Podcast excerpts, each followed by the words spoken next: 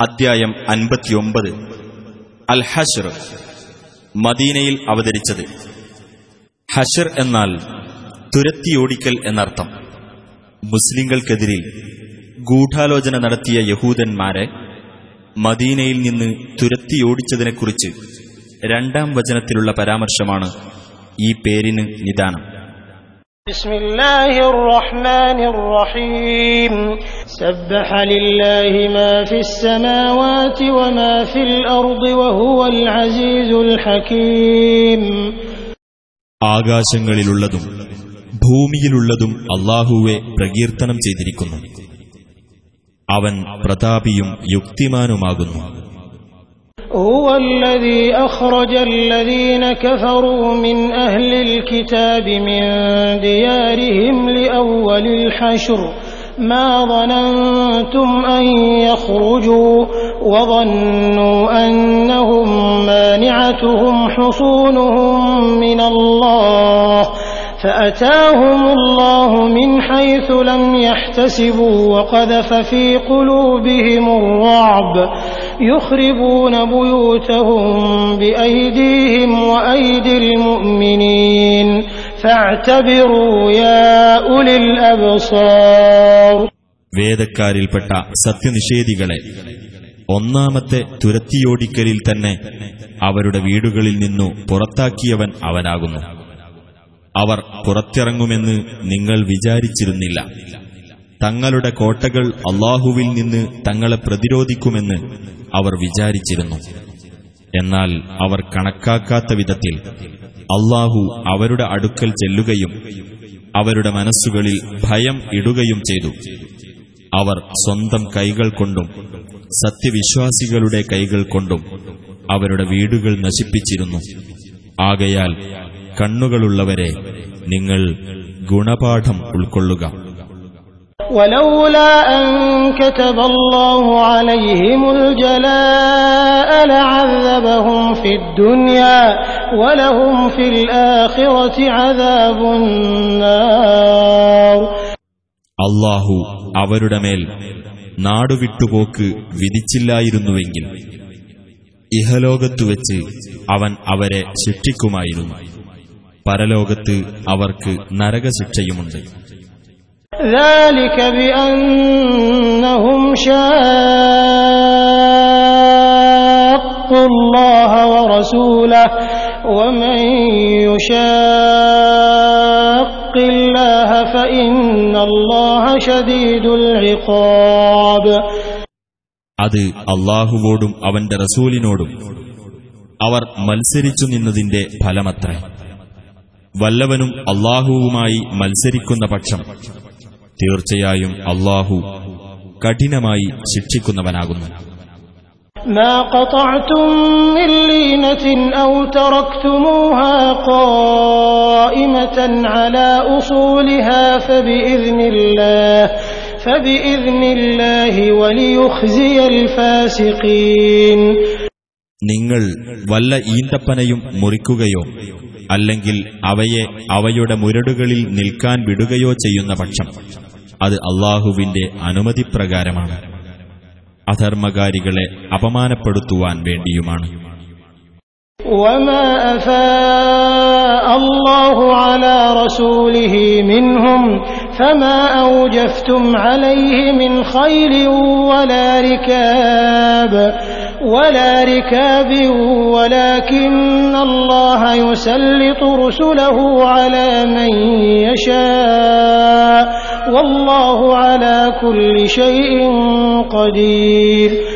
ആ യഹൂദരിൽ നിന്ന് അള്ളാഹു അവന്റെ റസൂലിന് കൈവരുത്തിക്കൊടുത്തതെന്തോ അതിനായി നിങ്ങൾ കുതിരകളെയോ ഒട്ടകങ്ങളെയോ ഓടിക്കുകയുണ്ടായിട്ടില്ല. പക്ഷേ അള്ളാഹു അവന്റെ ദൂതന്മാരെ അവൻ ഉദ്ദേശിക്കുന്നവരുടെ നേർക്ക് അധികാരപ്പെടുത്തി അയക്കുന്നു. അള്ളാഹു ഏതു കാര്യത്തിനും കഴിവുള്ളവനാകുന്നു. ما أفاء الله على رسوله من أهل القرى فلله وللرسول ولذي القربى واليتامى والمساكين وابن السبيل كي لا يكون دولة كي لا يكون دولة بين الأغنياء منكم وما آتاكم الرسول فخذوه وما نهاكم عنه فانتهوا واتقوا الله إن الله شديد العقاب അള്ളാഹു അവന്റെ റസൂലിന് വിവിധ രാജ്യക്കാരിൽ നിന്ന് കൈവരുത്തിക്കൊടുത്തതെന്തോ അത് അള്ളാഹുവിനും റസൂലിനും അടുത്ത കുടുംബങ്ങൾക്കും അനാഥകൾക്കും അഗതികൾക്കും വഴിപോക്കർക്കുമുള്ളതാകുന്നു. ആ ധനം നിങ്ങളിൽ നിന്നുള്ള ധനികന്മാർക്കിടയിൽ മാത്രം കൈമാറ്റം ചെയ്യപ്പെടുന്ന ഒന്നാവാതിരിക്കാൻ വേണ്ടിയാണത്. നിങ്ങൾക്ക് റസൂൽ നൽകിയതെന്തോ അത് നിങ്ങൾ സ്വീകരിക്കുക. എന്തൊന്നിൽ നിന്ന് അദ്ദേഹം നിങ്ങളെ വിലക്കിയോ അതിൽ നിന്ന് നിങ്ങൾ ഒഴിഞ്ഞു നിൽക്കുകയും ചെയ്യുക. നിങ്ങൾ അള്ളാഹുവെ സൂക്ഷിക്കുകയും ചെയ്യുക. തീർച്ചയായും അള്ളാഹു കഠിനമായി ശിക്ഷിക്കുന്നവനാണ് للفقراء المهاجرين الذين أخرجوا من ديارهم وأموالهم يبتغون يبتغون فضلا من الله ورضوانا وينصرون الله ورسوله أولئك هم الصادقون അതായത് സ്വന്തം വീടുകളിൽ നിന്നും സ്വത്തുക്കളിൽ നിന്നും കുടിയൊഴിപ്പിക്കപ്പെട്ട മുഹാജിറുകളായ ദരിദ്രന്മാർക്ക് അവകാശപ്പെട്ടതാകുന്നു ആദനം അവർ അള്ളാഹുവിങ്കിൽ നിന്നുള്ള അനുഗ്രഹവും പ്രീതിയും തേടുകയും അള്ളാഹുവേയും അവന്റെ റസൂലിനെയും സഹായിക്കുകയും ചെയ്യുന്നു. അവർ തന്നെയാകുന്നു സത്യവാൻമാർ.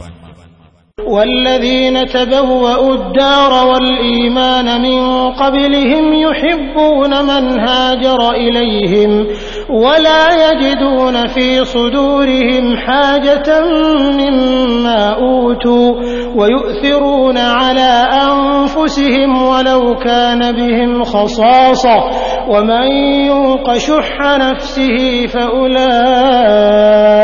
هم المفلحون ആ മുഹാജിറുകളുടെ വരവിനു മുമ്പായി വാസസ്ഥലവും വിശ്വാസവും സ്വീകരിച്ചുവെച്ച അൻസ്വാറുകൾക്കും തങ്ങളുടെ അടുത്തേക്ക് സ്വദേശം വെടിഞ്ഞുവന്നവരെ അവർ സ്നേഹിക്കുന്നു. മുഹാജിറുകൾക്ക് നൽകപ്പെട്ട ധനം സംബന്ധിച്ച് തങ്ങളുടെ മനസ്സുകളിൽ ഒരു ആവശ്യവും അൻസ്വാറുകൾ കണ്ടെത്തുന്നുമില്ല. തങ്ങൾക്ക് ദാരിദ്ര്യമുണ്ടായാൽ പോലും സ്വദേഹങ്ങളെക്കാൾ മറ്റുള്ളവർക്ക് അവർ പ്രാധാന്യം നൽകുകയും ചെയ്യും ഏതൊരാൾ തന്റെ മനസ്സിന്റെ പിശുക്കിൽ നിന്നും കാത്തുരക്ഷിക്കപ്പെടുന്നുവോ അത്തരക്കാർ തന്നെയാകുന്നു വിജയം പ്രാപിച്ചവർ والذين جاءوا من بعدهم يقولون ربنا اغفر لنا ولإخواننا الذين سبقونا بالإيمان ولا تجعل في قلوبنا غلا للذين آمنوا ربنا إنك رؤوف رحيم അവരുടെ ശേഷം വന്നവർക്കും അവർ പറയും ഞങ്ങളുടെ രക്ഷിതാവേ ഞങ്ങൾക്കും വിശ്വാസത്തോടെ ഞങ്ങൾക്കു മുമ്പ് കഴിഞ്ഞുപോയിട്ടുള്ള ഞങ്ങളുടെ സഹോദരങ്ങൾക്കും നീ പൊറത്തു തരേണമേ സത്യവിശ്വാസം സ്വീകരിച്ചവരോട് ഞങ്ങളുടെ മനസ്സുകളിൽ നീ ഒരു വിദ്വേഷവും ഉണ്ടാക്കരുത്. ഞങ്ങളുടെ രക്ഷിതാവേ തീർച്ചയായും നീ ഏറെ ദയയുള്ളവനും കരുണാനിധിയുമാകുന്നു. ألم تر إلى الذين نافقوا يقولون لإخوانهم الذين كفروا من أهل الكتاب لئن أخرجتم لئن أخرجتم لنخرجن معكم ولا نطيع فيكم أحدا أبدا وإن قوتلتم لننصرنكم والله يشهد إنهم لكاذبون. ആ കാപട്യം കാണിച്ചവരെ നീ കണ്ടില്ലേ? വേദക്കാരിൽപ്പെട്ട സത്യനിഷേധികളായ അവരുടെ സഹോദരന്മാരോട് അവർ പറയുന്നു തീർച്ചയായും നിങ്ങൾ പുറത്താക്കപ്പെട്ടാൽ ഞങ്ങളും നിങ്ങളുടെ കൂടെ പുറത്തു പോകുന്നതാണ്. നിങ്ങളുടെ കാര്യത്തിൽ ഞങ്ങൾ ഒരിക്കലും ഒരാളെയും അനുസരിക്കുകയില്ല. നിങ്ങൾക്കെതിരിൽ യുദ്ധമുണ്ടായാൽ തീർച്ചയായും ഞങ്ങൾ നിങ്ങളെ സഹായിക്കുന്നതാണ്. എന്നാൽ തീർച്ചയായും അവർ കള്ളം പറയുന്നവരാണ് എന്നതിന് അള്ളാഹു സാക്ഷ്യം വഹിക്കുന്നു لئن أخرجوا لا يخرجون معهم ولئن قوتلوا لا ينصرونهم ولئن نصروهم ليولن الأدبار ثم لا ينصرون ആ യഹൂദന്മാർ പുറത്താക്കപ്പെടുന്ന പക്ഷം ഈ കപടവിശ്വാസികൾ അവരോടൊപ്പം പുറത്തു പോകുകയില്ല തന്നെ. അവർ ഒരു യുദ്ധത്തെ നേരിട്ടാൽ ഇവർ അവരെ സഹായിക്കുകയുമില്ല. ഇനി ഇവർ അവരെ സഹായിച്ചാൽ തന്നെ ഇവർ പിന്തിരിഞ്ഞോടും തീർച്ച. പിന്നീട് അവർക്ക് ഒരു സഹായവും ലഭിക്കുകയില്ല. لأنتم أشد رهبة في صدورهم من الله ذلك بأنهم قوم لا يفقهون തീർച്ചയായും അവരുടെ മനസ്സുകളിൽ അള്ളാഹുവേക്കാൾ കൂടുതൽ ഭയമുള്ളത് നിങ്ങളെപ്പറ്റിയാകുന്നു അവർ കാര്യം ഗ്രഹിക്കാത്ത ഒരു ജനതയായതുകൊണ്ടാകുന്നു അത് لا يقاتلونكم جميعا إلا في قرى محصنة أو من وراء جدر بأسهم بينهم شديد تحسبهم جميعا وقلوبهم شتى ذلك بأنهم قوم لا يعقلون കോട്ടകെട്ടിയ പട്ടണങ്ങളിൽ വെച്ചോ മതിലുകളുടെ പിന്നിൽ നിന്നോ അല്ലാതെ അവർ ഒരുമിച്ച് നിങ്ങളോട് യുദ്ധം ചെയ്യുകയില്ല അവർ തമ്മിൽ തന്നെയുള്ള പോരാട്ടം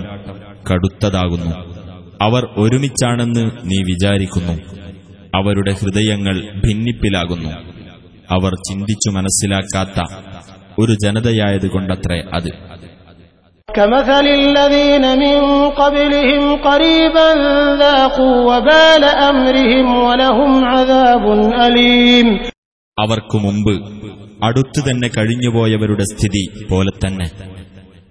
അവർ ചെയ്തിരുന്ന കാര്യങ്ങളുടെ ദുഷ്ഫലം അവർ ആസ്വദിച്ചു കഴിഞ്ഞു. അവർക്ക് വേദനയേറിയ ശിക്ഷയുമുണ്ട്. كمثل الشيطان إذ قال للإنسان اكفر فلما كفر قال إني بريء منك إني أخاف الله رب العالمين പിശാചിന്റെ അവസ്ഥ പോലെ തന്നെ മനുഷ്യനോട് നീ അവിശ്വാസിയാകൂ എന്ന് അവൻ പറഞ്ഞ സന്ദർഭം അങ്ങനെ അവൻ അവിശ്വസിച്ചു കഴിഞ്ഞപ്പോൾ പിശാച് പറഞ്ഞു തീർച്ചയായും ഞാൻ നീയുമായുള്ള ബന്ധത്തിൽ നിന്ന് വിമുക്തനാകുന്നു. തീർച്ചയായും ലോകരക്ഷിതാവായ അള്ളാഹുവിനെ ഞാൻ ഭയപ്പെടുന്നു.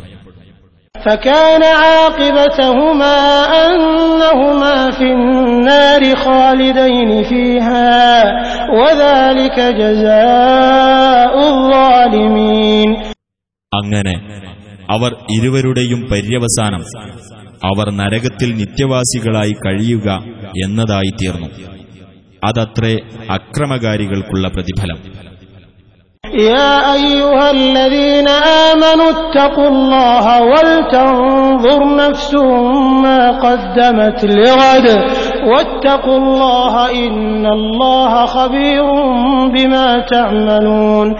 സത്യവിശ്വാസികളെ നിങ്ങൾ അള്ളാഹുവെ സൂക്ഷിക്കുക. ഓരോ വ്യക്തിയും താൻ നാളേക്കുവേണ്ടി എന്തൊരു മുന്നൊരുക്കമാണ് ചെയ്തു വച്ചിട്ടുള്ളതെന്ന് നോക്കിക്കൊള്ളട്ടെ.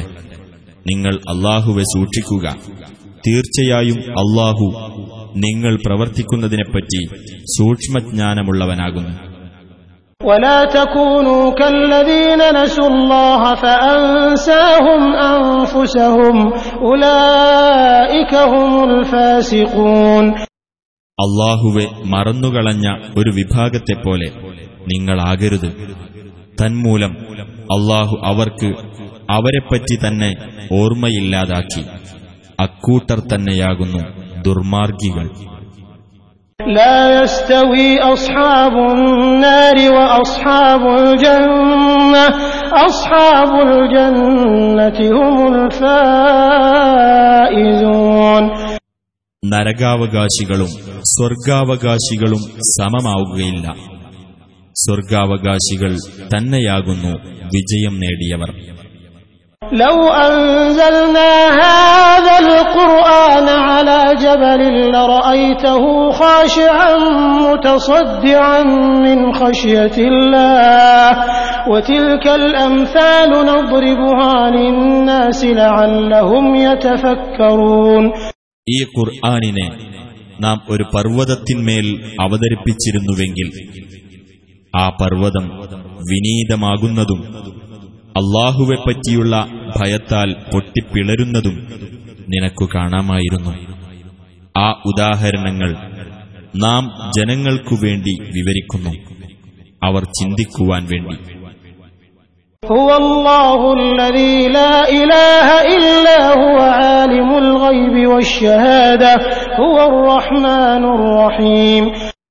താനല്ലാതെ യാതൊരു ആരാധ്യനുമില്ലാത്തവനായ അള്ളാഹുവാണവൻ അദൃശ്യവും ദൃശ്യവും അറിയുന്നവനാകുന്നു അവൻ അവൻ പരമകാരുണികനും കരുണാനിധിയുമാകുന്നു هو الله الذي لا إله إلا هو الملك القدوس السلام المؤمن المهيمن السلام المؤمن المهيمن العزيز الجبار المتكبر سبحان الله عما يشركون താനല്ലാതെ യാതൊരു ആരാധ്യനുമില്ലാത്തവനായ അള്ളാഹുവാണവൻ രാജാധികാരമുള്ളവനും പരമപരിശുദ്ധനും സമാധാനം നൽകുന്നവനും അഭയം നൽകുന്നവനും മേൽനോട്ടം വഹിക്കുന്നവനും പ്രതാപിയും പരമാധികാരിയും മഹത്വമുള്ളവനും ആകുന്നു അവൻ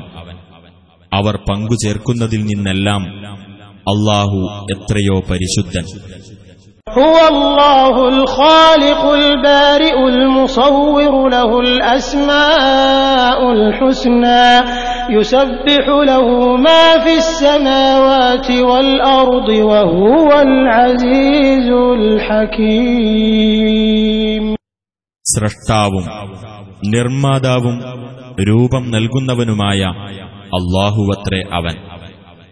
അവന് ഏറ്റവും ഉത്തമമായ നാമങ്ങളുണ്ട്.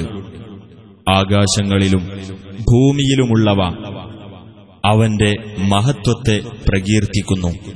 അവനത്രേ പ്രതാപിയും യുക്തിമാൻ